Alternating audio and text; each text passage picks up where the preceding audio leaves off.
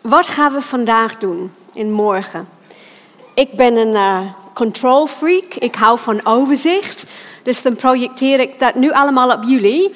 En ik geef jullie een beetje overzicht. Is dat een goed idee? Uh, we gaan studeren.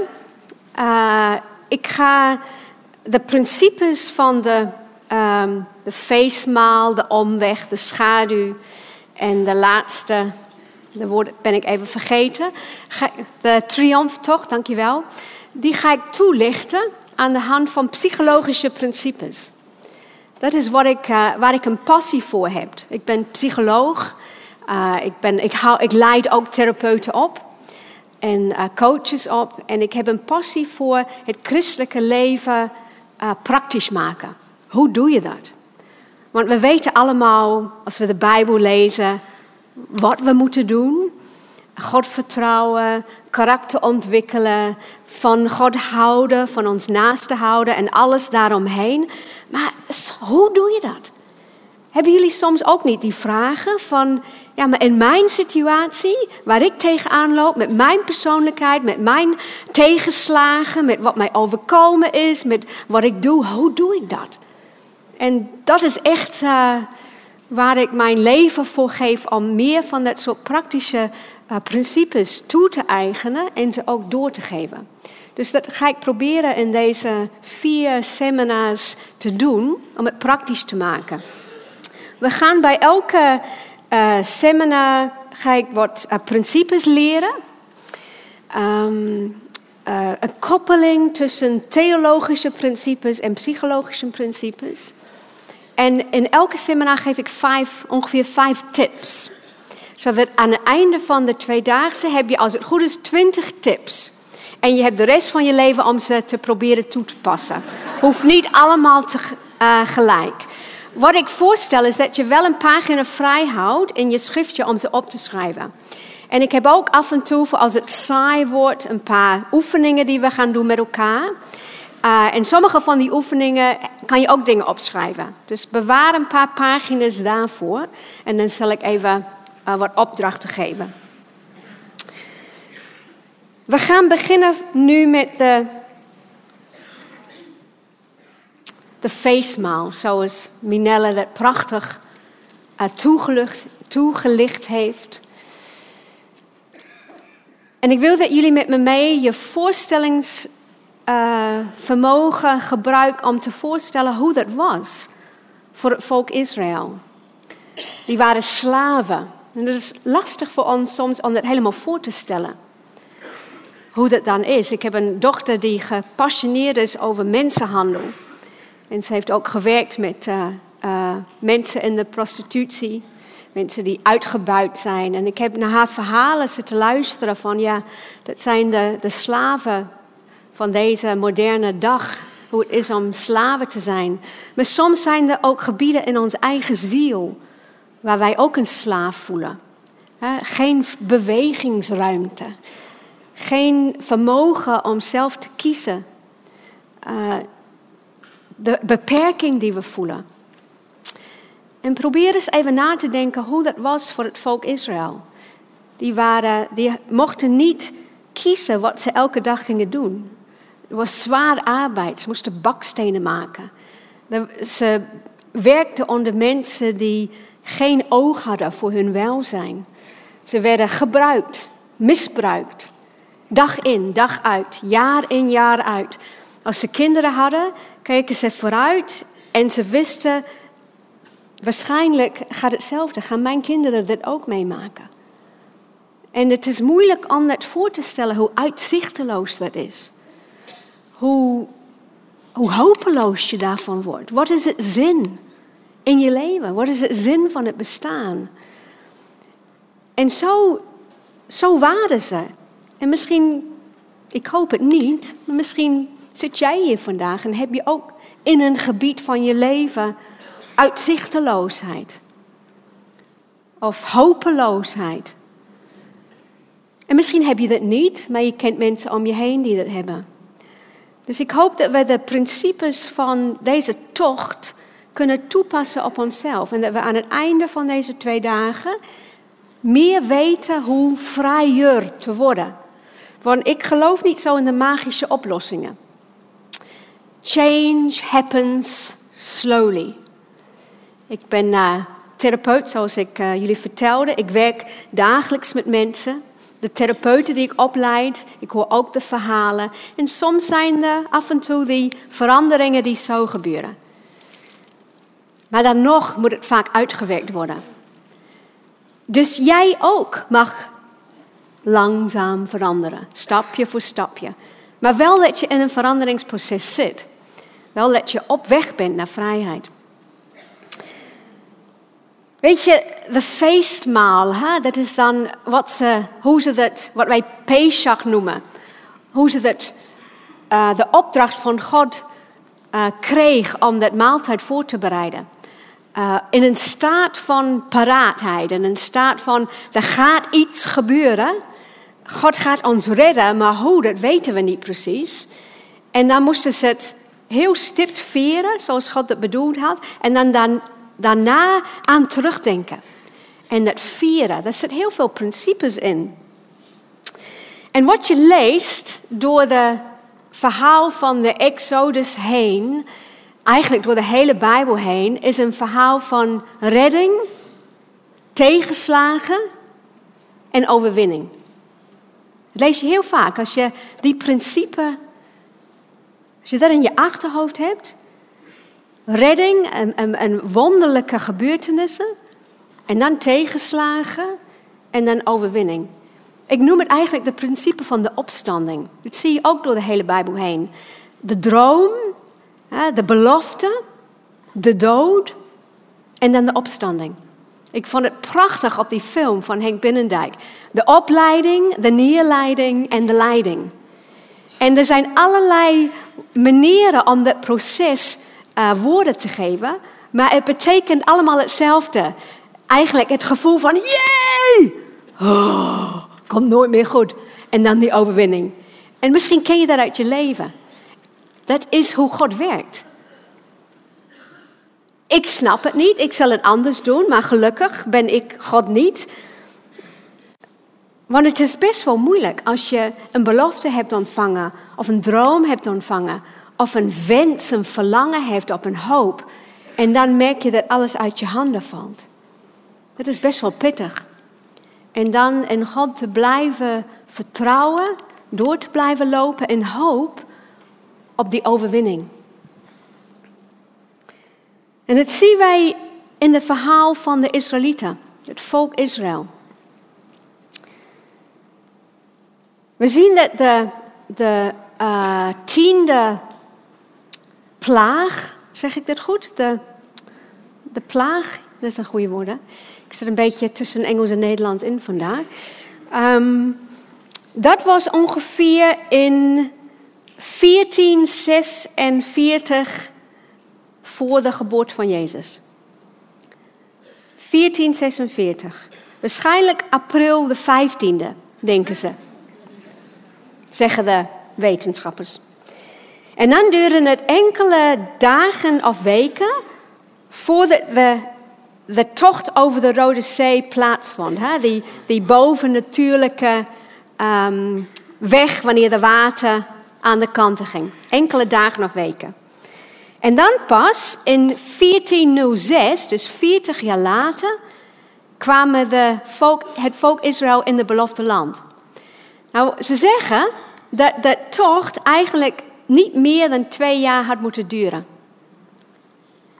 En het duurde 38 jaar langer, want ze gingen de weg naar de woestijn. En ze verdwaalden in de woestijn. En dan gaan we kijken vanmiddag waarom dat zo is. En hoe God werkt in ons door de woestijn heen. En hoe we dan soms ook kunnen verdwalen. 40 jaar rondgelopen. Dus en moet je voorstellen ze, hoe het was. Dat ze in hun woonkamer, of waar ze ook woonden, waren. Helemaal in de, in de reiskleren. De Pesachmaal, de, de, de bloed op de deurpost een soort gevoel van opwinding, van nu gaat het gebeuren, nu komt er misschien een einde aan de slavernij. Moet je je voorstellen hoe dat dan was? De, ik noem dat gevoel giddy with excitement. Beetje duizeling van de, Ken je dat gevoel? Nog? Ken je dat gevoel van toen je vier was en er was iets spannends en er was. Misschien kunnen we oefenen. Ja. 1, 2, 3. Oeh. En je moet een beetje trillen, weet je wel? Een beetje shaken. Nog een keer.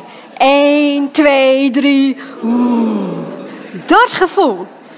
En, en als je dat doet, dan voel je het weer een beetje, hè? Toch? Van, oeh, weet je wel, soms zijn we dat afgeleerd. Maar dat is wel een heerlijk gevoel. Daar gaat iets leuks gebeuren. En ik voel het in mijn hele lichaam. Zo waren ze toen. Er gaat iets wonderlijks gebeuren. De geboorte van een droom. Dat is ook een principe. Hetzelfde principe, maar anders geworden. God geeft je een droom. De geboorte van een droom. Je ziet iets in de geest wat God voor je heeft. En dan ga je daar achterna en ineens valt het uit je handen. En dat is wel een hele belangrijke principe dat ik jullie wil meegeven.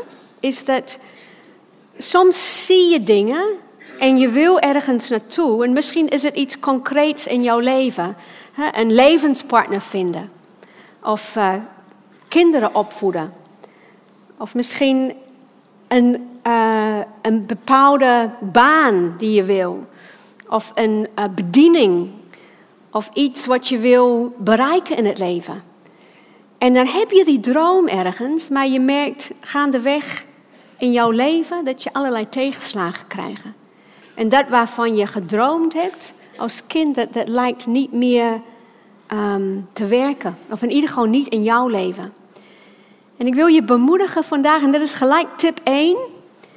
Het is belangrijk om in generaties te denken. God is een generationele God. Even kijken of die werkt.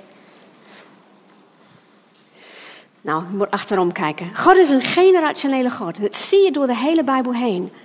Sommige dingen waar jij voor droom, dat ga je kinderen, als je kinderen hebt, of je kleinkinderen of de generatie daarna pas realiseren. En als je hier zit vandaag en ik gebruik allemaal stomme voorbeelden van kinderen en partners en jij alleenstaand bent, dan alvast mijn excuses. Um, ik zou proberen rekening mee te houden en voorbeelden te bedenken voor jou ook. Um, alleen het is lastig soms om voorbeelden te bedenken als je dat niet meegemaakt hebt of niet nu inzit. De voorbeelden die ik gebruik, die komen uit mijn leven nu. Maar als je alleenstaand bent en je geen kinderen hebt of geen kinderen kunnen krijgen, past die principe van de generaties ook voor jou. Want het gaat om dat wat jij doorgeeft aan de volgende generatie. De mensen om je heen. God werkt in generaties.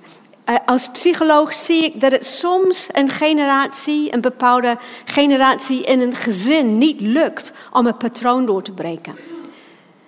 Bijvoorbeeld als er verslaving is of als er diep gewortelde, lang vastgeruste geroeste patronen, lukt het soms niet om dat in één levensloop op te lossen. Dat is wel de beperking van ons mens zijn. Soms lukt het niet. Maar dan zie je in de generatie daarna dat het wel lukt. En ik wil, dat jullie, ik wil jullie de boodschap geven, denk in generaties. Want wat ik zie vaak, of vaak, soms zie ik dat uh, door de keuzes die gemaakt zijn, dat kinderen uh, de levenswijsheid die ze hebben ontvangen van hun ouders en ze zijn niet voorzichtig mee. Ze maken keuzes waar de cyclus overnieuw begint. Dus dat de volgende generaties daaronder lijden. En als jij hier zit en je bent een moeder, of je bent van plan om kinderen te hebben, of je hebt kinderen om je heen, neven en nichtjes waar je input op kan geven, of de kinderen van anderen, uh, denk bewust wat kan ik ze geven? Hoe kan ik ze wijsheid, wat ik geleerd heb, doorgeven? Want we lopen op dit moment in de maatschappij tegen de verkokering van de generaties heen. En het wordt niet meer vanzelfsprekend wat één generatie geleerd heeft, doorgegeven wordt naar de volgende generatie. En je doet iets heel goed als je daar bewust van bent. Wat kan ik doorgeven uit wat ik geleerd heb? En misschien is het niet een, gelijk een overwinningsverhaal. Maar het zijn wel de verhalen van, ik heb dit gedaan en daar heb ik spijt van. En ik wil dat jullie leren dat het anders kan gebeuren. Denken generaties, daar komen we op hopelijk deze dagen terug. Even de patroon van geboorte, dood en opstanding. Dat is de volgende tip gelijk, dat ga ik toelichten. Omarm de dood als onderdeel van die opstanding. Vreemde tip eigenlijk. Maar ik wil dat je met me meekijkt door de thema's die met dood en opstanding te maken hebben in de Bijbel.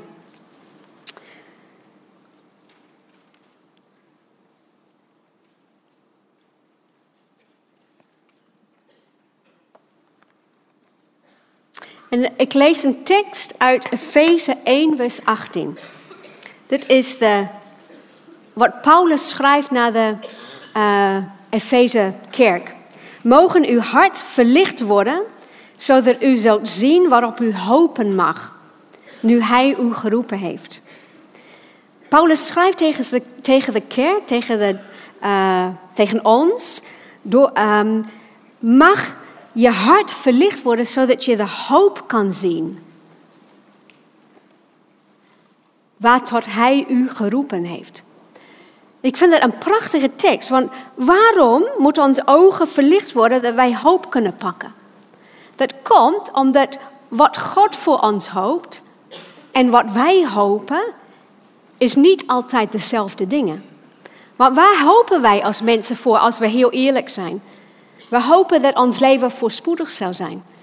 We hopen dat wij um, doorbraken zullen meemaken. We hopen dat we uh, pijn worden gespaard. We hopen dat het allemaal gaat lopen. We hopen op een goede uitkomst. We hopen om uh, uh, een fijne partner te hebben. We hopen om goede kinderen te hebben. We hopen dat onze baan allemaal goed werkt. Dat is wat wij hopen. Maar soms matcht dat niet altijd met wat God voor ons hoopt. Want wat je ziet, hè, het volk Israël, die gingen naar het beloofde land. Dat was hun hoop.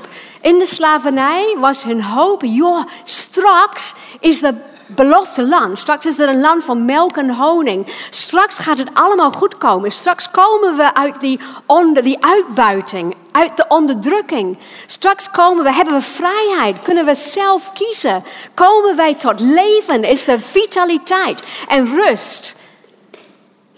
Maar wat kwamen ze tegen in de belofte land? Weten jullie dat nog? Ze stuurden twee spionnen uit. En wat was de boodschap van de spionnen? Dat, was, dat land zit vol reuzen. Dat gaat ons niet lukken. Soms is de hoop wat God voor je heeft, matcht dat niet met de hoop die wij hebben. En dat komt doordat wij, en als we daar heel eerlijk in zijn, willen we niet lijden. Wie zegt, ik sta op vandaag en ik ga bewust een week van lijden in? Ik niet. Toch? Of doen jullie dat? Nee, dat doen we niet. We willen niet lijden. Ik wil geen pijn lijden. Ik wil niet neerslachtig zijn. Ik wil niet ongelukkig zijn. Ik wil niet tegenslagen hebben. Soms matcht de hoop niet. Misschien zit je hier en je denkt terug aan je leven en je denkt aan je kinderen dromen en jouw hoop was om de juiste man te vinden. Nou, we weten al lang dat dat bestaat niet meer, of niet. Je komt de goede tegen en dan uh, twee jaar later kom je achter dat uh, die anders is dan je, of zes maanden later, kom je achter dat die anders is dan je bedacht had. We noemen de verliefdheidsfase als uh, psychologen een mini-psychose. Eigenlijk storten je ego-grenzen in. Hè? En dan uh, versmelt je met elkaar. En dan denk je van, uh, joh, hij is ideaal en hij vult mij aan en we zijn samen compleet. En dat mini-psychose duurt ongeveer tussen drie en zes maanden tussen drie en zes maanden komen die ego-grenzen weer overeind. En dan denk je, hè, wat is die irritant geworden? En dat is ook de voorbeeld van de geboorte van een droom, de dood van een droom. En dan ben je op weg naar die opstanding. Want die opstanding is Gods werk in ons heen. En dat kan te maken hebben met een relatie, maar dat kan te maken hebben met allerlei soorten dingen in het leven. Of bijvoorbeeld de voorbeeld, je denkt van nou, ik wil, um, uh, we beginnen aan kinderen. En je droom is prachtige, kleine baby's die Weet je wel, die, ik heb nu twee, twee kleinkinderen en ik, ik zie het allemaal voor mijn ogen gebeuren. Zo'n dat verliefdheidsfase. Maar niemand vertelt je, of misschien vertellen ze, maar je wil het niet horen, of je kan het niet horen, als ze baby's zijn, hoe ze zijn als ze tieners zijn. Dat, is, dat, dat, dat komt gewoon niet binnen. Ik heb het geprobeerd. Ik heb een vriendin en zij had uh, vier kinderen en ze was aan het overwegen om een vijfde. En ik zat dan, mijn kinderen waren 14, 15, 16, of weet je wel. En ik dacht, ik ga haar vertellen hoe dat dan echt is. Weet je wel? En ik liep met haar door een park en ik noemde voorbeelden naar voorbeelden naar voorbeelden. Ze jatten je, ik heb drie meiden. Ze jatten je make-up, ze zijn crimineel, ze zijn grenzeloos, ze hebben grote mond, ze bekvechten met elkaar. We hoeven geen alarm te zetten, want de badkamer zit naast onze slaapkamer. En we worden elke ochtend, en het is, ik chargeer niet, elke ochtend wakker van de ruzie. Wat heb je aan? Die is van mij. Doe het uit. Dit zijn mijn schoenen. Weet je, standaard. Of al die dingen over profielkeuze. Ach, al die tienen. Wie zijn mijn lotgenoten? Het gaat over. Het gaat over. Ze zijn nu bij mij allemaal de deur uit. God zij dank. Ik zeg, ik ben echt, ik ben wellicht een slechte moeder, maar ze moeten echt niet meer terugkomen. En ook dat fase waar ze de deur uit zijn en dan gaan ze studeren, dan komen ze elke weekend terug. Echt. En misschien kwam het doordat ik drie meiden had en geen zonen, dat weet ik niet, want uh, mijn man heeft minder last van. Maar ik was er echt klaar mee. Echt klaar. Het was afgerond, het is goed zo. Maar als je in die baby zit, heb je die klapperende eierstokken. En dan denk je van, oh, ik wil nog zo'n baby, weet je wel. Die zijn zo... Dus eh, ik heb er geprobeerd aan mijn vriendin te vertellen. Ik dacht, dat is gewoon, weet je wel, goede vrienden zijn. Ze ging nog door en ze had een vijfde. Dus, nou... Misschien is, zal vast iets zeggen, een volwassene persoonlijkheid of ze heeft de boel meer bij elkaar van binnen of al dat soort dingen. Of je gaat naar de kerk. Je gaat, je, je, je gaat door de hele stad heen en je, kijkt, je zit allemaal kerken op een rij. En dan denk je, de droom voor de goede kerk, weet je wel? De juiste kerk. We gaan echt bij een club. Het ziet er goed uit. Ze hebben de boel op, uh, gewoon uh, goed geregeld. Gods aanwezigheid is daar. Daar ga ik leren. En dan na twee jaar begint de ontgoocheling. Want daar zijn ook mensen die van alles uitspoken en al die mensen die je irriteren en die in je weg zitten. Weet je, het is, zo is het leven. Herkennen jullie dat? Dat, dat, dat weet je wel, dit curve. Hier de goede, vol goede hoop en dan, en dan zo. Daar willen we naartoe. Het is niet waarop wij hoopten. En Paulus zegt, ik bid voor je dat je ogen geopend mogen worden, zodat je Gods hoop voor je ziet. Dat je dat pakt. Dat dat ook in je geest nestelt. En daar ga ik nu vanochtend veel over hebben, lifelong learning. Maar voordat we dat doen, wil ik even een paar uh, stukjes van de um, uh, voorbeelden noemen. Van die, de principe van de, uh, de droom de dood en de opstanding. En dan komen we terug op deze tip, want het ziet er een beetje raar uit als je het zo leest. Je moet, wat is de definitie van de opstanding? Als je denkt van wat is een definitie van een opstanding? Ik luisterde uh, vrij recent naar een theoloog en hij zei: de definitie van die opstanding is hulp die te laat komt. En ik vond dat een hele goeie. Dus je moet voorstellen, Maarten en Maria en uh, uh, Lazarus. Lazarus was dood aan het gaan. En ze, ze bellen Jezus en ze zeggen, joh, je moet komen, je moet komen. En Jezus doet er een paar dagen over. Snap je dat? Zij wisten, hij kan daar wat aan doen. Hij kan daar wat aan doen. En hij komt te laat. Lazarus is al dood. Wij hopen, en dat is onze hoop, dat God op tijd, onze tijd, iets doet. Maar zo werkt God niet altijd. Soms wel. En dat zijn de happy clappy, hippa, hoera verhalen. Maar wat doe je als dat niet jouw verhaal is? Wat doe je dan met de ontgoocheling? Met de teleurstelling? Heel veel mensen verliezen dan hun geloof. Omdat het gebaseerd is op de happy clappy hip ha hoera verhalen.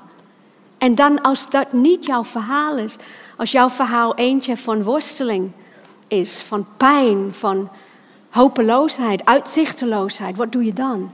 Ik hoop deze dagen antwoorden daarop te geven. De dochter, de uh, man Jairus en zijn dochter. Weet je wel, weer zo'n verhaal. Ze ging dood. De opstanding kwam later. We denken, God had ze gewoon kunnen genezen.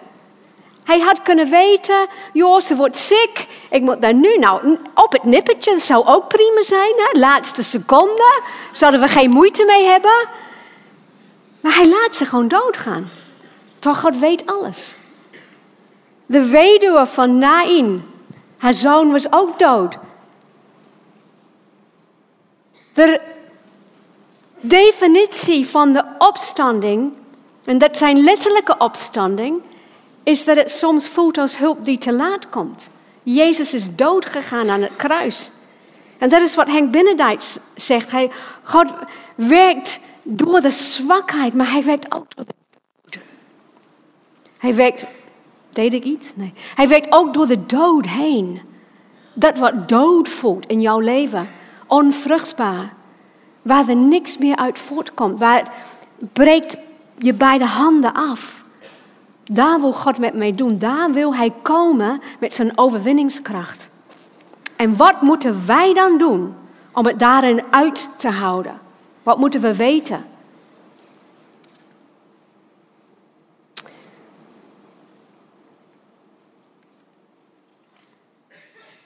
Soms moeten we door een periode van hopeloosheid heen. En dat is omdat we ons eigen hoops moeten afbreken. Want ons eigen hoop is menselijk. Ons eigen hoop is dat lijden bespaard wordt. Dat wij niet door de moeilijke weg heen hoeven. En voordat wij die hoop die God voor ons heeft kunnen pakken, moet er ruimte gemaakt worden. En dat is de periode van hopeloosheid. De hopeloosheid van jouw hoop. Maar God wil komen met zijn hoop. En het planten in die periode waar het donker is en waar het moeilijk is. En want gelukkig is God de God van het leven. Waarom is hij de God van de opstanding? Omdat hij het leven is. Dus hij kan komen met zijn leven in de periode van dood. Maar kan jij met hem meewerken? Erbij blijven? Verdragen? Het erin uithouden? Zodat jij daar nog bent wanneer hij komt met zijn overwinning. Ben je er nog? Dan klopt hij en zegt: Michel, het is pijnlijk, maar ben je er nog? Want nu is de tijd van die overwinning. Nu is de tijd van die opstanding. Ben je daar nog dichtbij? Ben je in de buurt? Daar gaan we ook over hebben.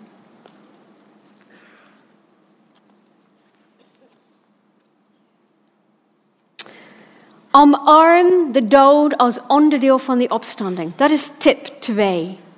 Omarm het. Hoe doe je dat? Nou, het begint gewoon in je denken.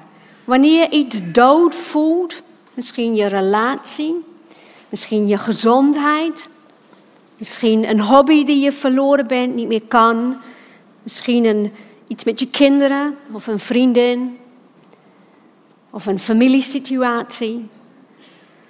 Of een financiële situatie. Iets waar jij mee worstelt. Als jij een stukje dood hebt in jouw leven op dit moment. Omarm het. Pak het vast. En hou het vast. En probeer het niet meer in eigen kracht op te lossen. Eigenlijk is het een soort je machteloosheid omarmen. En dat is heel eng en heel moeilijk om te doen. Dus ik dacht, laten we een hele kleine oefening doen. Laten we beginnen met ons lichaam. Hebben jullie zin in een hele kleine oefening? is niet heel eng hoor. Gewoon je eigen dood omarmen. Vooruit, zeggen jullie. Want één ding weten we zeker. Eén ding weten we zeker. Er zijn een heleboel dingen die we niet zeker weten, maar één ding weten we zeker: je gaat dood. Je weet niet wanneer. Het zal ook morgen kunnen zijn. Het zal ook over 20 jaar, 40 jaar, 5 jaar. Dat weet je niet. Maar ben je er voorbereid voor? Ben je er voorbereid? Psychologen zeggen dat heel veel van onze angsten hebben te maken met doodsangst. Dat we eigenlijk bang zijn voor de dood. En daarom zijn we, nou ik ben ook bang voor pijn hoor. Manier van uh, dood, dat vind ik prima, maar de weg daar naartoe, dat wil ik onder controle hebben. Ik heb uh, een tijdje geleden gesproken met iemand die in een hospice werkt. En ze vertelde mij, de mensen die moeite hebben met doodgaan, zijn de mensen die nooit geleefd hebben. De mensen die een volle leven hebben, echt hebben geleefd, die hebben minder moeite met doodgaan. Weet je wat, het is een veel, veel vrediger proces. Dus het lijkt alsof je ziel, je geest wil leven.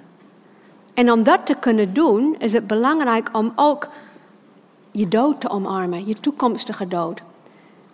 En dat betekent, dat is ook zowel fysiek als geestelijk. Maar laten we beginnen bij het fysiek. En misschien is dat oefening een beetje spooky voor je. Nou, ik heb daar geen tips voor. Gewoon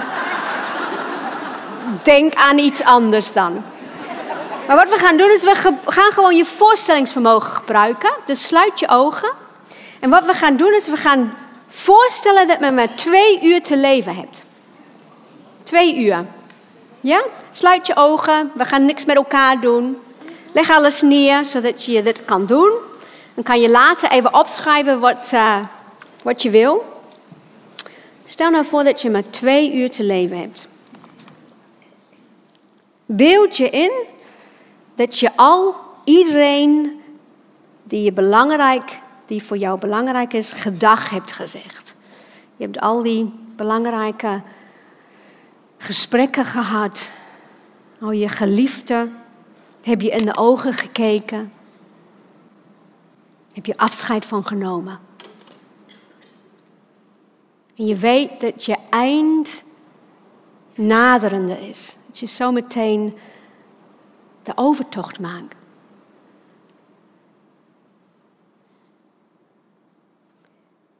En deze tijd, deze twee uur, heb je gereserveerd voor jezelf. Samen met God. En dan begin je tot jezelf te spreken. En dan praat je tot elk deel van je lichaam. Je handen, je voeten, je hart, je verstand, je longen, je ellebogen, je rug, je haar, je hoofd, je gezicht enzovoort. En je zegt ze allemaal gedag.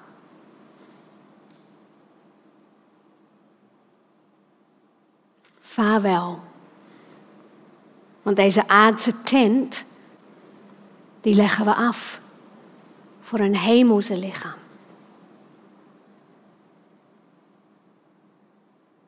Je hebt al je ledematen lief. Neem je rechterhand bijvoorbeeld. Bedank je rechterhand voor al de diensten die hij je heeft bewezen. Vertel hem hoe kostbaar hij geweest is voor je. Geef hem al de liefde mee nu hij tot stof zal vergaan. En we hebben niet de tijd nu om alle lichaamsdelen langs te gaan. Maar misschien wil je dat nu met de lichaamsdelen die voor jou moeilijk zijn. Misschien heb je een hekel aan iets. Neem even een moment om daarbij stil te staan. En vaarwel voor te stellen dat jij aan het eind dat lichaamsdeel bedankt. Voor hoe het jou heeft geholpen om in deze wereld te bewegen, te leven.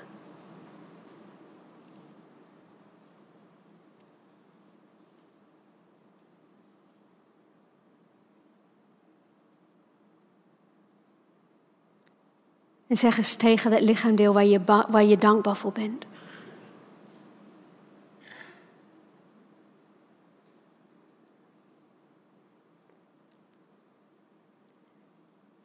Wellicht andere lichaamsdelen die voor jou heel belangrijk zijn geweest. Neem even een tijd om dit te doen.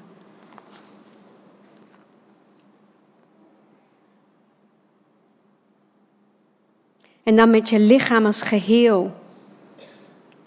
Met het speciale vorm van verschijnen. Jouw lichaam, door God gegeven. De kleur, de omvang, de trekken.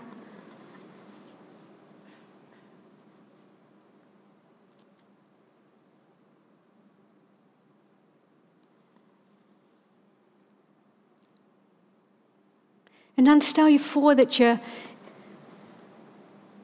voor Jezus bent. Dat je tegenover Hem staat.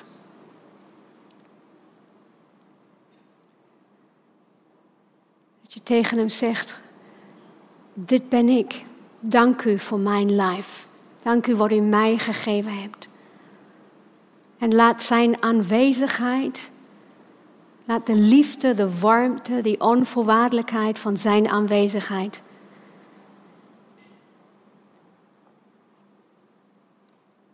jou raken. En als je moeite hebt met een bepaalde lichaamsdeel, zeg het dan tegen hem. vind ik moeilijk. Help mij om mezelf in uw naam te accepteren en omarmen. En in dit leven, met alles wat ik heb, te leven. Totdat het mijn tijd is. En dan word je weer bewust dat je hier bent in de zaal.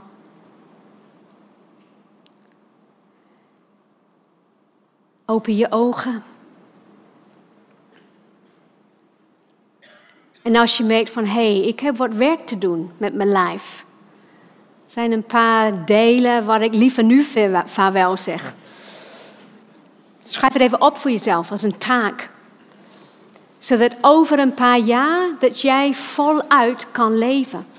Want om te leven heb je dit nodig.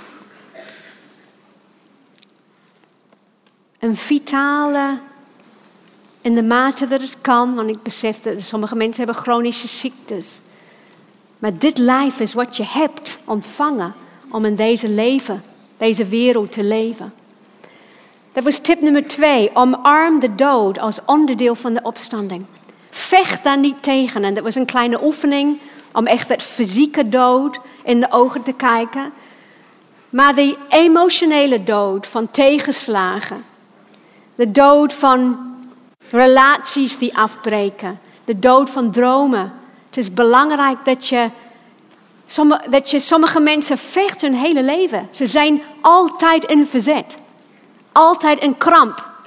Weet je wat dat met je lijf en je ziel doet? Als je altijd in een verzethouding bent. Soms is het tijd om de dood te omarmen. Terug naar de volk Israël bij feestmaal. God vertelt hen, dit maaltijd moet een gedenksteen voor je zijn, een gedenkteken. Hier ga je op terugkomen, want het was een grote overwinning. Het was een grote overwinning. En dat is ook Tegelijkertijd de volgende tip. Dat is niet de volgende tip. Die tip komt nog. Ik ga even mijn chaos weer kijken waar ik was. Aha, ik heb hem. Daar komen we zo meteen op de volgende tip. Die heb je te goed voor mij. Want het probleem is, wij zijn, net zoals het volk Israël, we zijn vrij, maar nog niet helemaal. Het volk Israël staat in dat feestmaal en er is een belofte, er is een bovennatuurlijke iets die gaat gebeuren. Ze hebben het gevoel van. En dat voelt heel erg dicht op bij, uh, als vrijheid. Maar die zijn er al lang niet. Ze zijn 40 jaar af van het belofte land. En wij hebben het soms ook, dat wij, God doet iets of we hebben iets gepakt, maar we zijn al lang niet vrij. We zijn vrij, maar we zijn het nog niet. En dat is wat sommige theologen noemen de koninkrijk nu en de koninkrijk nog niet. We zitten klem tussen die twee. We zitten in de tussenfase. Dus ergens heeft God iets wonderlijks gedaan. Weet je wat, door het kruis, door de dood en de opstanding van Jezus hebben we ruimte. Zijn we geaccepteerd? Zijn we binnen? Leven we in Gods koninkrijk? Er is een nieuw, wij zijn een nieuwe schepping. Er is een reset-knop, ga ik zo meteen wat over zeggen. En tegelijkertijd ervaren we nog steeds die onderdrukking, de tegenslagen, de moeilijkheden van dit leven. Hoe zit het dan? Hoe zit het nou als je, je hoort van we zijn vrij in Jezus' naam. Er is genezing in Jezus' naam.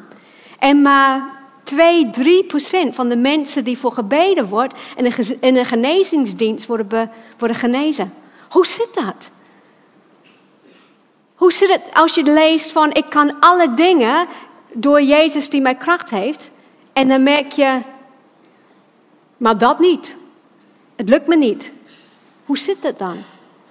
Hoe zit het in dat stukje van dood tussen de belofte en de realiteit? Heb je daar ooit over nagedacht? Ik denk daar dagelijks over, want ik ben therapeut, dus ik krijg al die mensen in mijn praktijk met die vragen. Hoe doe ik dat? Hoe ga ik om met het lijden? Hoe ga ik om met, de, met mijn man? Ik had een droom om een huwelijk uh, te leven die, die diep en intiem was, maar hij is autistisch of narcistisch. Ik heb de droom om kinderen groot te brengen en, en uiteindelijk gezonde kinderen en, en ze zijn verslaafd of zijn weggelopen. Hoe zit het met mijn identiteit? Ik wilde dit doen, maar ik zit in een burn-out. Of ik weet niet wie ik ben. Of ik ben depressief. Of ik ben angstig. Mensen die oprecht met God wandelen. Hoe zit het met de tegenstelling, dat paradox? Hoe zit het met die vrijheid? Hoezo vrijheid? En dit is dit stukje. Wij zitten tussenin. Wij zijn tweenies. In between. Wij zijn tweenies. Wist je dat? Dat je een tweenie was? Het is een soort geestelijke teenager. Je denkt dat je volwassen bent, maar aan alle kanten in je leven merk je dat het niet zo is. En dat het niet werkt. Of je bent 18, meerderjarig, je kan van alles, maar heus niet. Het lukt je niet. Je brein is nog helemaal niet ontwikkeld genoeg. Wij zijn tweenies. En we leven in dat paradox, we leven in dat tegenstelling, we leven in dat, dat het moeilijk is en dat we het soms niet weten. En wat is het zo verleidelijk om dat te ontkennen en te leven uit geestelijke formules. God zegt dit, dus het is zo. Terwijl aan alle kanten de realiteit binnenbrengt en je merkt van ja, maar hoe doe ik dat? Weet je wel, het geestelijke leven, dat vond ik zo mooi in die film van Henk Binnen. Het is niet een formule, het is een tocht. Het is een tocht en soms zit je op de heuvel en soms zit je in de dal. Soms is er stromend water die uit je binnenste komt en soms is er een woestijn. Soms is het geweldig, die overwinningen. Je kan alles. Je, je, en soms is het gewoon machteloosheid en dood en onvruchtbaarheid. Welcome to life. Zo is het. En wat moeten wij dan doen? Nou, we hebben een hele klus en daar ga ik jullie zo meteen vertellen. Eerste is de dood omarmen, die hebben we gehad. Oké, we zijn weer, de chaos is hersteld. We zijn terug, denk ik. Tip 1. We zijn bij, even kijken. Tip 3. Vier die overwinningen. Dat is wel een leuke. Laten we daar even te veel gepraat over dood en ellende. Die overwinningen. Wie heeft overwinningen gehad in zijn leven? Ik zie heel bescheiden handjes. Vier je overwinningen. Weet je wel, momenten van je denkt, nou, dat heb. Misschien denk je niet zo, maar je denkt van God heeft het een prachtige wonder in mijn leven gedaan. Ik ben een beetje puberaal in mijn taal soms. Uh, het is heel belangrijk om het te vieren. Dat is een principe. DDD, wat betekent dat? De dagelijkse discipline van dankbaarheid. Dat schrijf ik ook ochtends op in mijn dagboek. Waar ben ik dankbaar voor? We leven nu in de tijd van um, neurowetenschap. Dus ze kunnen zien wat je brein goed doet. En een van de dingen die ze aan het ontdekken zijn, is hoe dankbaarheid je brein gezond maakt.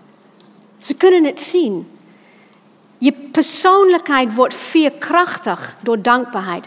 Weet je wel, dat weten we al lang. En dat wij als christenen zeggen, tel je zegeningen één voor één. Dat is een hele oude principe, maar oh, een hele relevante principe.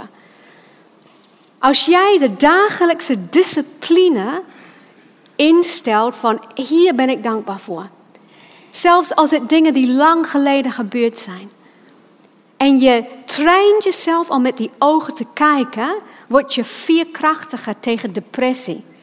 Even kijken wat ik hier opgeschreven heb. Neurowetenschappelijke studies laten zien dat dagelijkse oefenen van dankbaarheid zorgt voor beter slapen, minder onrust, vermindering van depressie en meer vermogen tot emotieregulatie. Dus dat betekent dat als je kinderen hebt of je invloed hebt op kinderen om je heen, leer ze dit principe. En hoe doe je dat? Een prachtige voorbeeld is bij de maaltijd. Dat je een rondje maakt, waar ben je dankbaar voor geweest? Highs en lows noemde ik dat altijd met je kinderen. Wat waren de highs voor vandaag? En dat vieren met elkaar. En ook de lows, hè, wat gebeurde. Want je wilde eigenlijk uitkrijgen voordat het gaat uh, psychische schade doen als er nare dingen zijn gebeurd. Maar ook met je partner, met je vriendinnen. De dagelijkse discipline van dankbaarheid. En daar stil bij te staan. Laten we even kijken, wat is vrijheid? Maar daar hebben we het over deze twee dagen. Het is een studie tweedaagse. Wat is het nou? Want stel nou voor, en ik hoop dat dat niet zo is, maar soms gebeurt dat. Mensen hebben een soort uh, kromme definitie van vrijheid. En in deze, um, in de dagen, hoe zeg je dat? De dagen van tegenwoordig? Nee, de, hoe zeg je dat? Tegenwoordig, in de tegenwoordige tijd, volgens mij is dat niet, maar eh, jullie snappen wat ik bedoel. Nu, nu horen we heel veel over vrijheid.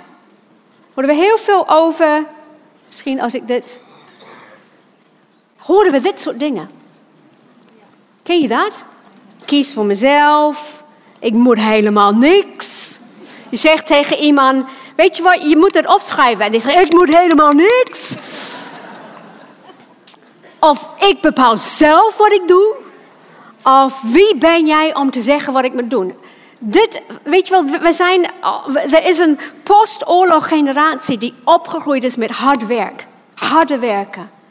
Weet je wel, de oorlog is een grote trauma geweest in Nederland en Europa. En daar zijn we nog van aan het herstellen. Je zou kunnen zeggen dat Europa alle symptomen laat zien van een tweede generatie posttraumatische stress. Die is in reactie tot. Dus we hebben het trauma, weet je wel, de, de, de wederopbouw, dat moest flink gewerkt worden. Niet terugdenken, daar willen we niet meer over nadenken aan al die ellende. We willen gewoon vooruitkijken. Dat was een soort afweer, een manier om daarmee om te gaan. En dus er is een generatie die opgegroeid opge, um, uh, is met moeten, met verplichting, met flink zijn, met doorzetten, met hard werken, verantwoordelijkheid nemen. Niks mis mee. Alleen het was een beetje een reactie tot. En dus die generatie daarna, die wil daar niks meer van hebben. En dus het, ik zie het uh, als een, ik weet nog toen ik in Nieuw-Zeeland woonde en op een midden in de nacht moest ik door de, um, uh, de platteland. Er zijn geen lichten of uh, weet je wat, donker, echt donker. En aan de ene kant van de, van de weg is een sloot en aan de andere kant ook. En dan moet je echt heel goed sturen om in het midden te blijven. Vooral ik dan. Ik ben niet zo praktisch. En autorijden is, is niet een van mijn talenten. Maar ik, ik heb dat voorbeeld vaak in mijn hoofd. Dat vaak hebben we als mensen, we maken iets mee en we willen absoluut niet in die sloot komen aan de linkerkant van de weg. Zoals onze ouders dat gedaan hebben. Dat gaan we niet doen. We gaan ons kinderen dat niet aandoen wat wij hebben meegemaakt. En dus we rijden heel dicht op de rechterkant. En voordat we weten, zijn we in de sloot aan de rechterkant beland. En zo is het met opvoeding. Als je een reactie leeft, dan maak je ook extreme fouten. En dan gaat de volgende generatie daarvan herstellen. God denkt in generaties. Gelukkig maar, want we zijn een beetje een. Uh, hoe noem je zo'n ding? Pendulum. Zo'n. Um, en soms heb je dat nodig om rechte koers. Maar wees eens van bewust. Want dit is niet vrijheid, dit is reactie. Dit is onvrijheid. En het lijkt heel erg op vrijheid. Het zijn de mensen die net bezig zijn om hun grenzen te stellen. Ze hebben nooit geleerd om grenzen te hebben. Dus ze zijn opgegroeid met moeten, verplichtingen, verwachtingen. En het is zwaar. En dan leren ze, joh, ik mag grenzen zetten. En dan zijn ze voor, de, voor een tijdje in reactie. En dat is soms nodig. Zijn jullie trouwens nog wakker? Moeten we even rekken en strekken of is het goed? Even doorgaan? Oké. Wat is vrijheid?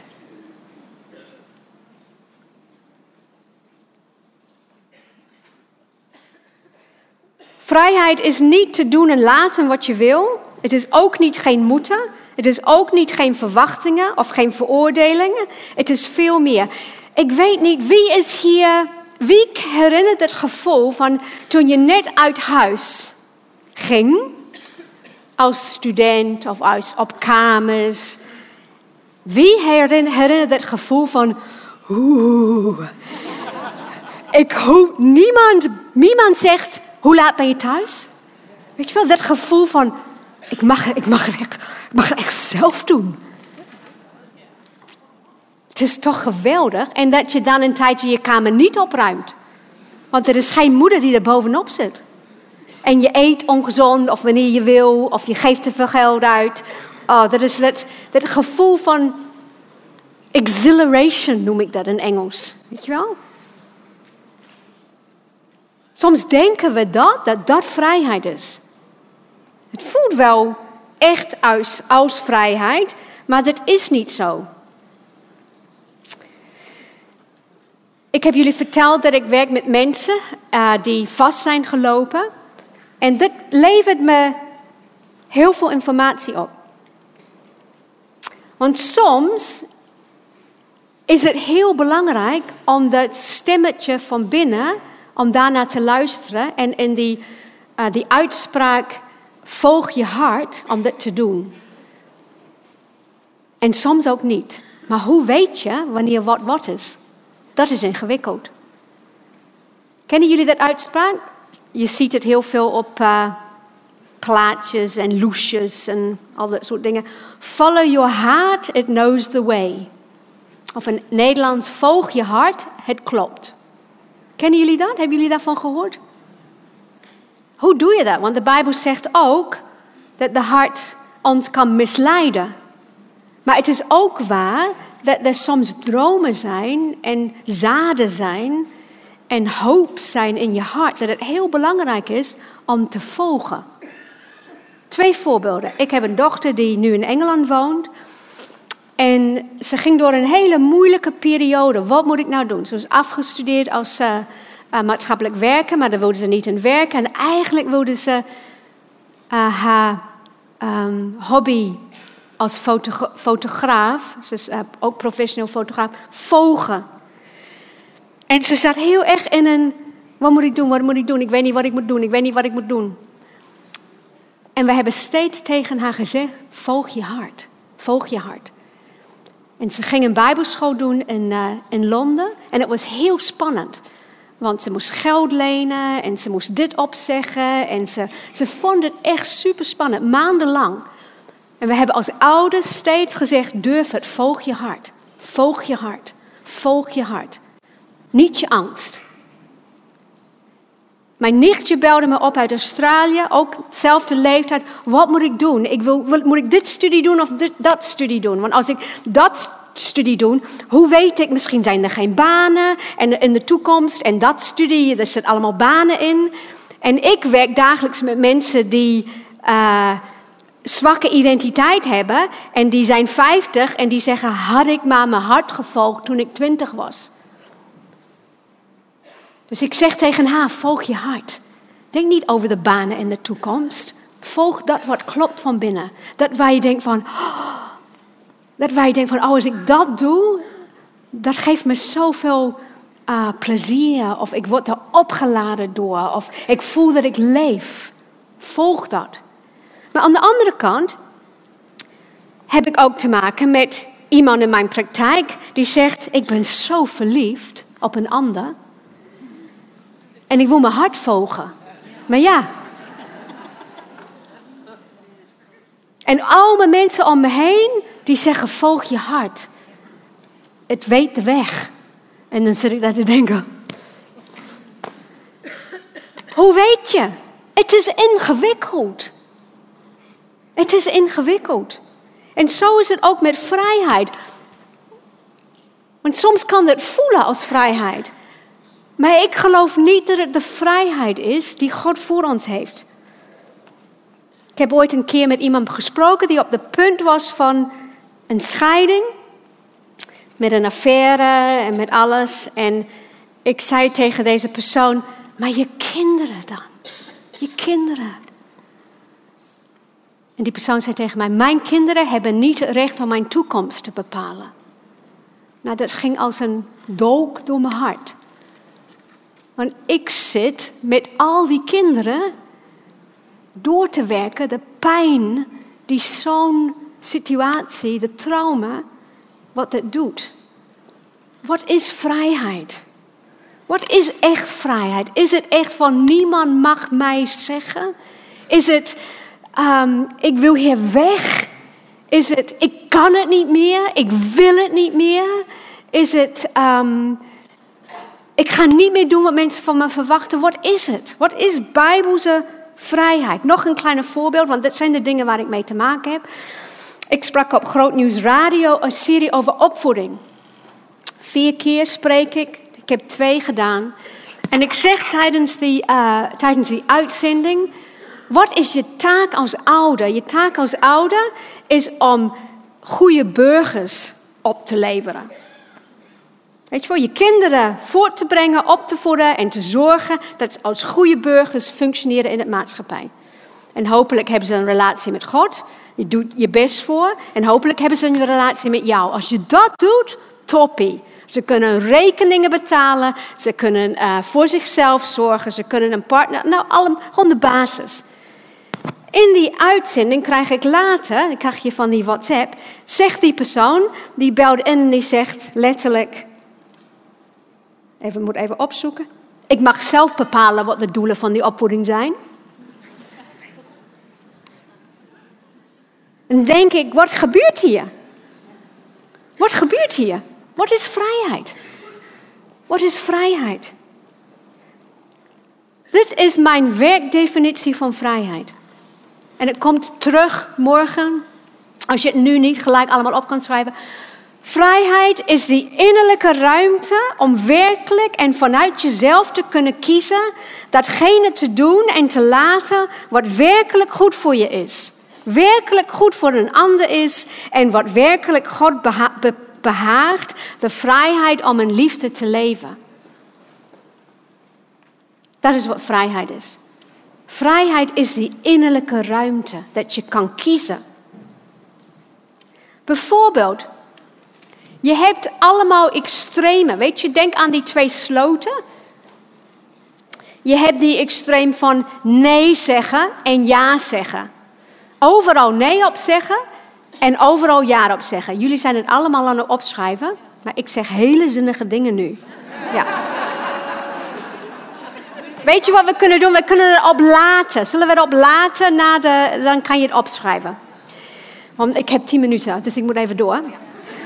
Je hebt bijvoorbeeld um, mensen die altijd opruimen, omdat dwangmatig van binnen het huis moet schoon. En je hebt altijd mensen, en je hebt aan die andere kant mensen die helemaal, zoals ik dan, die helemaal niet opruimen.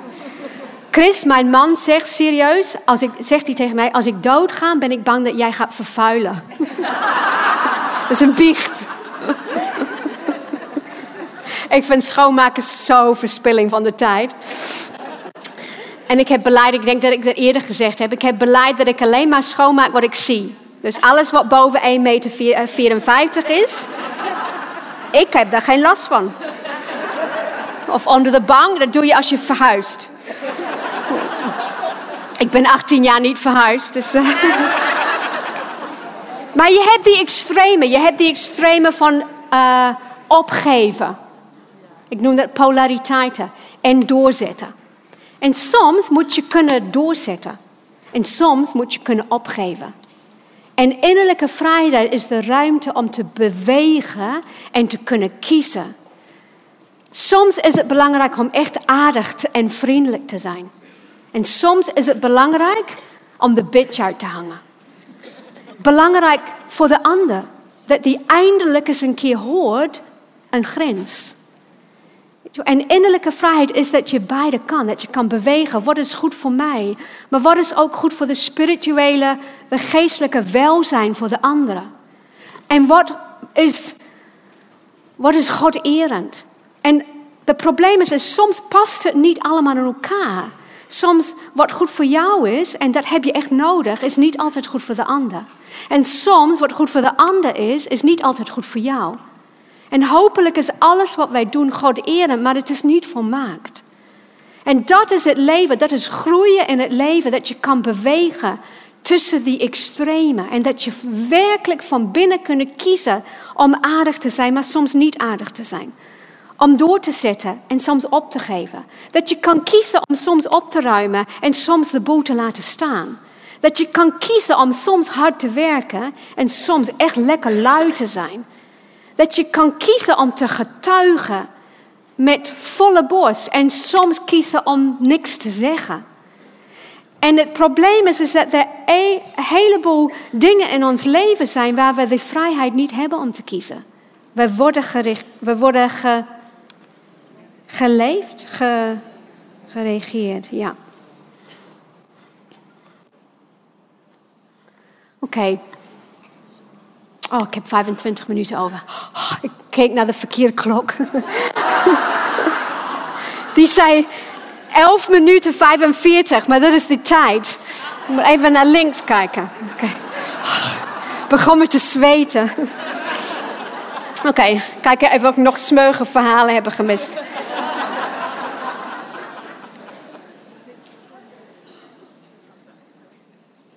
Nou, anders uh, komen ze terug. Waar zijn we? Wat is vrijheid? Vrijheid is, is dat nu een beetje helder? Werkelijk kunnen kiezen wat nodig is? En dat daar je leven, eigenlijk zie ik het leven als een tocht naar die innerlijke vrijheid. Want elke keer denk je dat je het onder de knie hebt. En je denkt van, joh, ik ben echt gegroeid. En dan gebeurt er iets, ga je een nieuwe levensfase in. Weet je wel, je hebt, je, je, je, je hebt uh, um, kleine kinderen en ze doen allemaal wat je zegt. En je hebt de boel voor elkaar en dan worden ze allemaal tieners. Of ze gaan het huis uit en dan gaan ze gaan de grote wereld in. En dan komen ze terug met allemaal inzichten over jouw verkeerde opvoeding. Wie heeft dat meegemaakt? En ze commentaar van hier tot Tokio. Ze zijn allemaal aan het doorwerken. En jij als moeder of uh, uh, gewoon moet even knikken en erkennen. En, uh, en ondertussen denk je, weet jij hoe vervelend je was toen? maar dat zeg je niet, hè? Ja.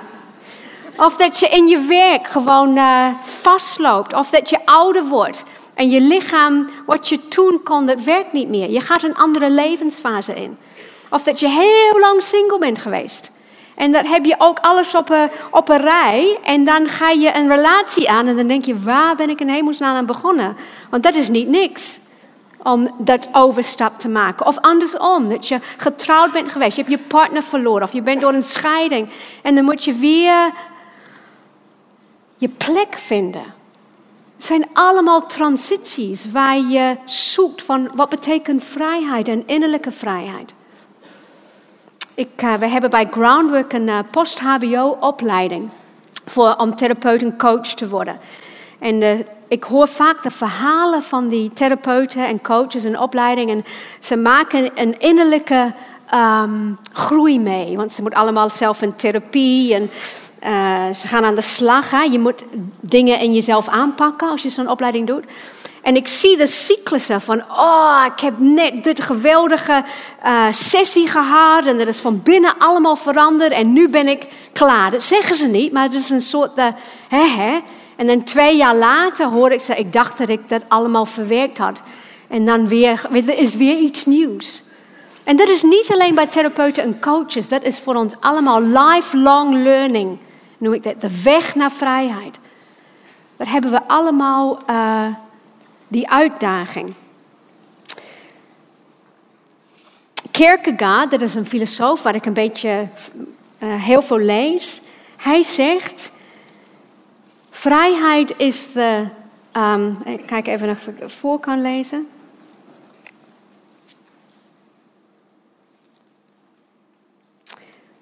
Vrijheid is de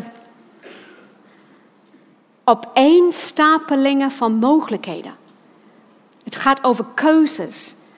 Wij kunnen allemaal keuzes maken. En daar kom ik zo meteen op terug. Maar dat is wel een eng gedachte. Dat je echt kan kiezen. Dat je echt wat ik heet soevereiniteit. Wat ik dat uh, soevereiniteit noem, zelfbeschikkingsrecht. Wat betekent dat eigenlijk? Als je hier zit vandaag en je merkt van ik ben in een bepaald gebied van mijn leven onvrij. En ik zeg tegen jou, je hebt keuzevrijheid. Je kan keuzes maken. Wat betekent dat? Heb je ooit over nagedacht waarom een goede schepping het kwade kon kiezen? Waarom? Dus God maakt Adam en Eva. Ze zijn goed. Hij kijkt naar ze en hij zegt: Het is goed. Ze wonen in paradijs, dus al hun behoeften zijn vervuld. Er zijn geen um, nare trauma's waar ze in getriggerd worden, waar de pijn, waar ze uit reageren. Ze hebben alles wat ze nodig hebben. Ze staan oog in oog met de bron van oneindig liefde. Waarom kiezen ze om het slechte te doen? Of nog verder terug, Lucifer, de aartsengel Lucifer. Wat betekent licht dragen. Waarom kiest hij om het kwaad? Waarom kiest hij ervoor? Heb je er ooit over nagedacht? Ik heb er lang en diep over nagedacht. Hoe kan dat? Want ik zie allerlei mensen die reageren uit pijn. En die reageren uit afweer. En die reageren uit onwetendheid. Dat zijn wij. Ik zie dat en ik werk daarmee. Maar in de volmaakte wereld, hoe kan het nou dat je kiest om het kwade te doen? Hele grote filosofische vraag.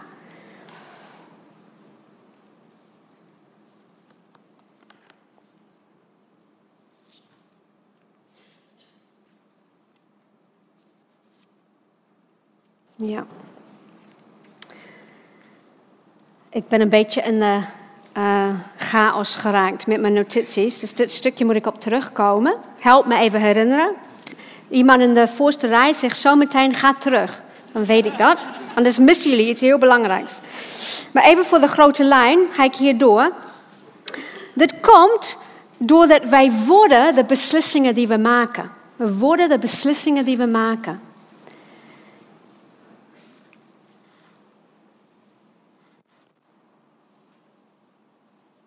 Misschien ken je dit.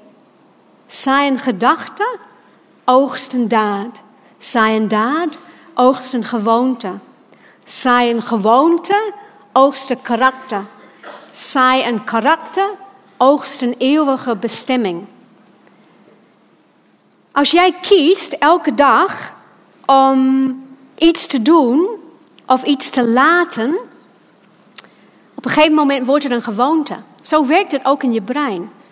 Als je elke dag kiest om iets te doen of iets te laten, dan wordt het een gewoonte. En je weet hoe moeilijk het is om een gewoonte ongewoon te maken. En als je daarin doorgaat, dan wordt het een karakter. En misschien ken je mensen om je heen, misschien uh, mensen die ouder zijn, en je zegt tegen jezelf, ze zijn bitter geworden. Of ze zijn zo kritisch geworden. Of ze zijn zo'n slachtoffer. En je merkt, het is niet meer veranderbaar. Ze zijn vastgerust. Ik denk dat dit een belangrijke principe is. Want hoe vaker we kiezen, des te meer zullen we dit worden. Dus hoe vaker je kiest om kritiek uit te oefenen, hoe kritischer je wordt. Hoe vaker je kiest dat je niks kan schelen, hoe onverschilliger je wordt. Ik weet nog, toen ik, uh, ik ben opgegroeid met een moeder met een persoonlijkheidsstoornis die woedeaanvallen had. En ik weet, als de dag van gisteren, dat ik tien of elf was en ik was buiten. En ik zei tegen mezelf, ik ga nooit meer worden zoals zij. Ik ga, dit, ik ga nooit doen zoals zij. En wat ik eigenlijk deed, is ik splitste mijn eigen agressie af. Mijn eigen boosheid. Met resultaat dat ik later depressief werd. En het heeft me heel veel jaren gekost, want ik heb heel veel jaren geleefd in die keus om niet boos te mogen zijn. En geen boosheid te voelen en het absoluut niet te uiten. En ik heb jarenlang, twintig jaar lang, die keus onbewust elke dag gemaakt. En het heeft me heel veel tijd en energie gekost om dat ongedaan te krijgen. Om leer te leren om opnieuw boosheid toe te laten. Te voelen en grenzen te zetten, want daarvoor heb je boosheid nodig. Heeft me heel veel gekost. En soms zijn het die kleine keuzes die je maakt als kind, maar soms maak je dat als volwassen. En pas op, want het kan je karakter worden. Het ziet een beetje zo uit. En ik denk dat dit gebeurd is met Lucifer. Dat die kleine keuzes die je maakt, op een gegeven moment bouwt het op. En op een gegeven moment is er een point of no return.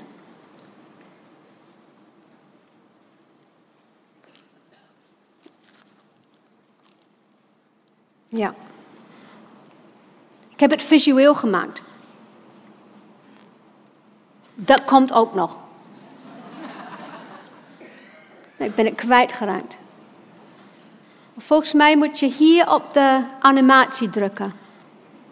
Klopt dat? Met die sneeuwballen. Nee, die niet. Deze. We wachten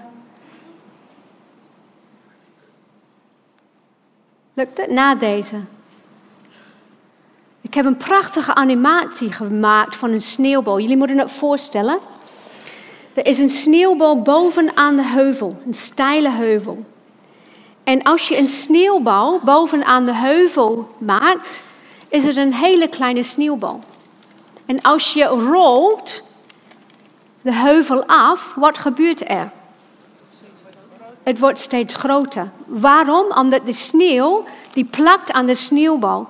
En op een gegeven moment, die steilheidsgraad van die heuvel is te groot met die omvang van de bouw. Het is niet meer tegen te houden.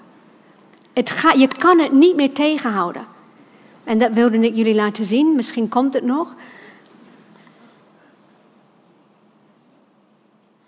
Anders is het in je voorstellingsvermogen. Zo werkt het ook met keuzes. Als jij elke dag kiest om iets te doen, dan komt een moment waar je niet meer kan kiezen. En dit is eh, Gregory Boyd, dat is een bekende uh, theoloog van mij, of niet van mij, uh, waar ik volg. Hij zegt: hoe vaker wij iets kiezen, des te moeilijker wordt het om iets anders te kiezen.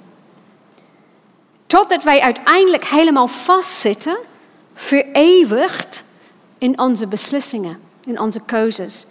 En het momentum van ons karakter wordt onstuitbaar. Je kunt het niet meer stoppen, maar je hebt wel een proefperiode. Je hebt wel een proefperiode. Nee, neem even een relatie als voorbeeld. Als jij kiest om je partner lief te hebben, en ik heb het niet over de zoetsappige liefde van jezelf wegcijferen, maar echt werkelijk ervoor kiezen om de verbinding aan te gaan, dan op een gegeven moment kan je niet meer anders. Op een gegeven moment is je liefde zo verdiept dat je bent onvrij geworden in je keus. Dan kan je niets anders dan liefhebben, want je hebt daaraan gewerkt. Als jij kiest elke dag om geduldig te zijn, op een gegeven moment ben je een geduldig persoon. Waar kies je voor? Wat zijn de keuzes die je, die je dagelijks merkt? Liefde moet altijd een vrijheid beginnen, maar het doel is om onvrij te worden.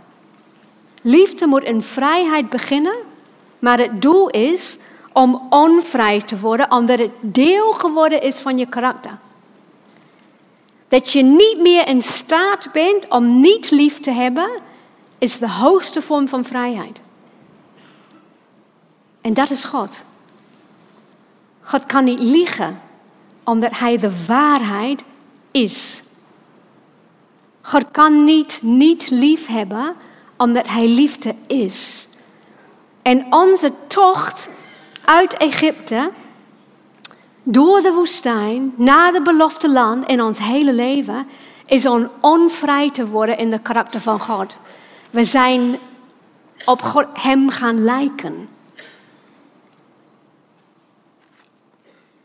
Daarom is God aan die ene kant volkomen vrij en toch zegt de Bijbel dat Hij niet kan zondigen. Omdat zijn karakter is liefde. Dus is proefperiode is eigenlijk de periode waarin we keuzes maken. In onze karakter. Wie gaan wij worden? Wie ben jij aan het worden? Wie ben je aan het worden? In je karakter. Lucifer's, en dat is ook een eng gedachte. Ik hou van enge gedachten, want weet je, dit gevoel, dat is ook dit gevoel. Ken je dat? Eng gedachte.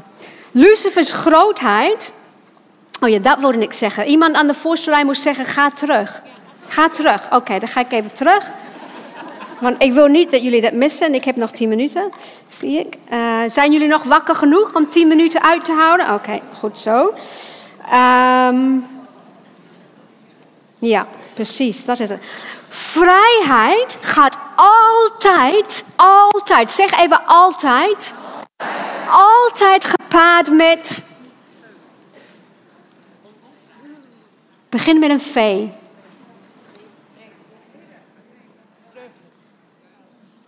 Verantwoordelijkheid. Vrijheid gaat altijd gepaard met verantwoordelijkheid. Mag ik een voorbeeld gebruiken van tieners weer? Wie heeft uh, tieners in de omgeving? Eigen of buren? Of... Oké, nou, genoeg om deze voorbeeld te gebruiken. Je wil je kinderen of je tieners vrijheid geven, toch? Ja. Maar niet te veel. Want de vrijheid moet samen opgaan met de verantwoordelijkheid. Anders gaan ze, we zeggen in Engels, give them a rope, but not enough to hang themselves with. Dus dat is een uitdrukking eh, die we hebben. Geef ze even vrijheid, maar niet genoeg dat ze iets echt heel levensbedreigend of moreel bedreigend gaan doen. Dus je wil ze de vrijheid geven. En ik was echt, mijn kinderen werden helemaal zat van mij. Want ik zei ook, dat vrijheid mag je hebben. Die geld, die ruimte, die tijd. Als jij mij bewijst dat je daar verantwoordelijk om kan gaan. Dus je mag thuiskomen wanneer je wil. Maar de volgende ochtend ben je op school in staat om te leren. En dat zal ik zien aan je cijfers. Als jij de verantwoordelijkheid niet aan kan, dan ben je ook niet klaar om de vrijheid te hebben. Je mag zoveel geld hebben, of je mag zo'n mobiel hebben, dan moet ik wel zien dat je verantwoordelijkheid draagt. School is jouw baan. De Bijbel zegt, als je niet werkt, moet je niet eten. Nou, dat geldt ook voor jou. Als je, jouw werk is school, als je je school niet doet, ja, dan... Uh, anyway, ik ben een hele strenge moeder, dat voel je, voel je aan. De kinderen zeggen, we gaan naar papa als we onvoorwaardelijke liefde wil. En we gaan naar mama voor een schop onder de kont. De taken zijn goed verdeeld. Vrijheid en verantwoordelijkheid gaan altijd samen. En dat vrijheid, de vrijheid die wij van God ontvangen hebben, daar is ook een verantwoordelijkheid mee. Wij kunnen echt kiezen. Jij kan echt kiezen om God je rug te keren. Kan je echt kiezen. Jij hebt het recht. Zelfbeschikkingsrecht. Je bent een autonome wezen. Hij heeft jou gemaakt met vrije wil. Dat kan je echt kiezen. Maar neem je verantwoordelijkheid voor die keus. Of ga je je hele leven God slachtoffer spelen? Vrijheid en verantwoordelijkheid gaan altijd samen. En die vrijheid dat God ons gegeven heeft, is duizelingwekkend. Wij hebben allemaal de vermogen in ons om lief te hebben. Maar de mate waarin wij lief kunnen hebben, is de mate waarin we kwaad kunnen kiezen. We kunnen zowel een Hitler worden of een Moeder Therese. We kunnen een Saddam Hussein worden of een andere heilige, wiens naam ik nu kan niet bedenken. Maar je snapt het principe. Dit vermogen, en het begint met die kleine keuzes. Wat, wie ben je aan het worden? Kijk even, pak even die spiegel die je hebt. Je hebt een spiegel. Pak even de spiegel.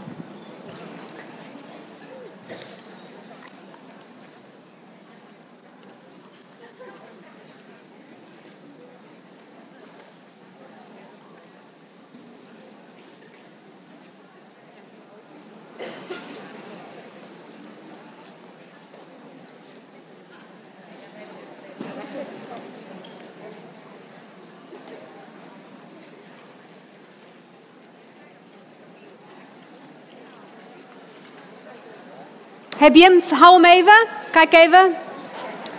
Oké, kijk in de spiegel. Kijk naar je ogen. Ogen zijn de lamp van de ziel. Dus je kijkt in je ogen ziel. Je gaat niet kijken, oh, ik zie er niet uit. Wat heb ik, uh, rimpels? Of uh, daar zijn we veel te volwassen voor.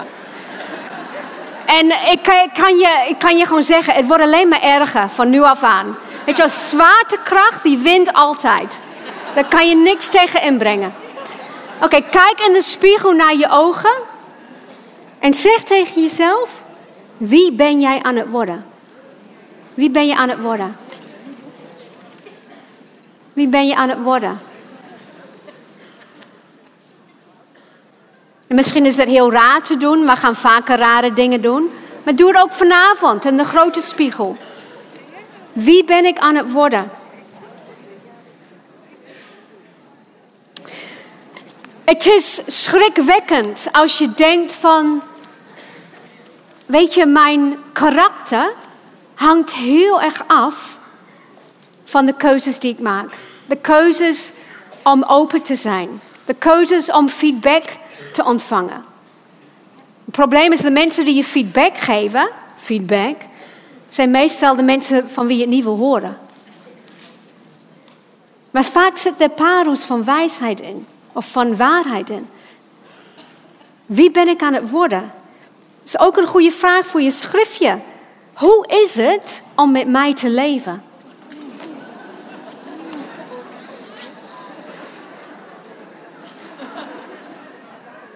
Hoe is het om met mij te werken?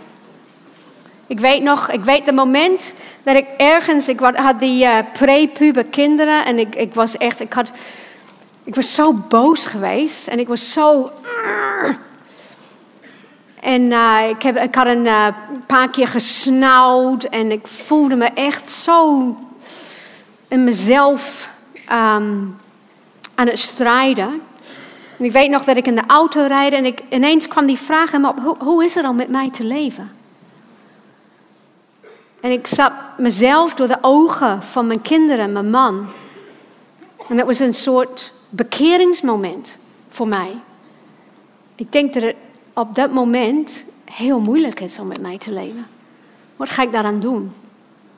Soms is het handig om naar jezelf te kijken door die ogen van anderen, soms ook niet. Dat is ook een van die innerlijke vrijheidstukjes.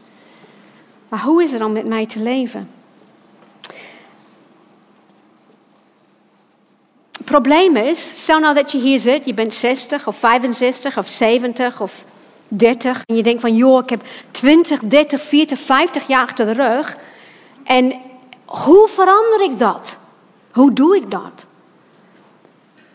Dat is één vraag. Maar een tweede vraag is, we hebben in deze maatschappij, zijn we te ver heen als maatschappij. Als je denkt aan die sneeuwbal, weet je wel, we hebben een collectieve reset-knopje nodig. En dat is, dat is die dia die je al gezien hebt. Ik ben helemaal de draad kwijt met mijn dia's, maar uh, misschien kan een, uh, iemand daarachter... Ja, kijk, die. We hebben een reset-knop nodig. En dat reset-knop is Jezus, Christus. Want als wij, wanneer wij bekeren, wanneer wij tot Hem komen, drukt hij op de reset-knopje. Je krijgt een nieuwe kans, een nieuwe schepping. Dus dat al die keuzes die je gemaakt hebt, kan Hij resetten. Maar dan ben je nog steeds, dan ben je reset, maar dan sta je in Egypte met je reiskleren aan, die, die lam helemaal op te eten met alle ingewaan, niet aandenken. Die moet je allemaal, je staat daar op de vooravond van de grootste tocht van je leven. Om onvrij te worden in de liefde, in karakterontwikkeling. En dan heb je een hele weg te gaan, maar het kan wel. En wat Henk Binnendijk zegt, God maakt ons zwakker. Dat hele proces door de woestijn gaan, is wanneer God je afweer afbreekt. Hij breekt de lagen, de harde lagen. Hij breekt de dingen in je leven af die je, waar je in vast bent komen te zitten. En dat kan heel erg voelen als dood. Dan komen we daarop terug. De reset-knopje, nieuwe leven. Het leven van God.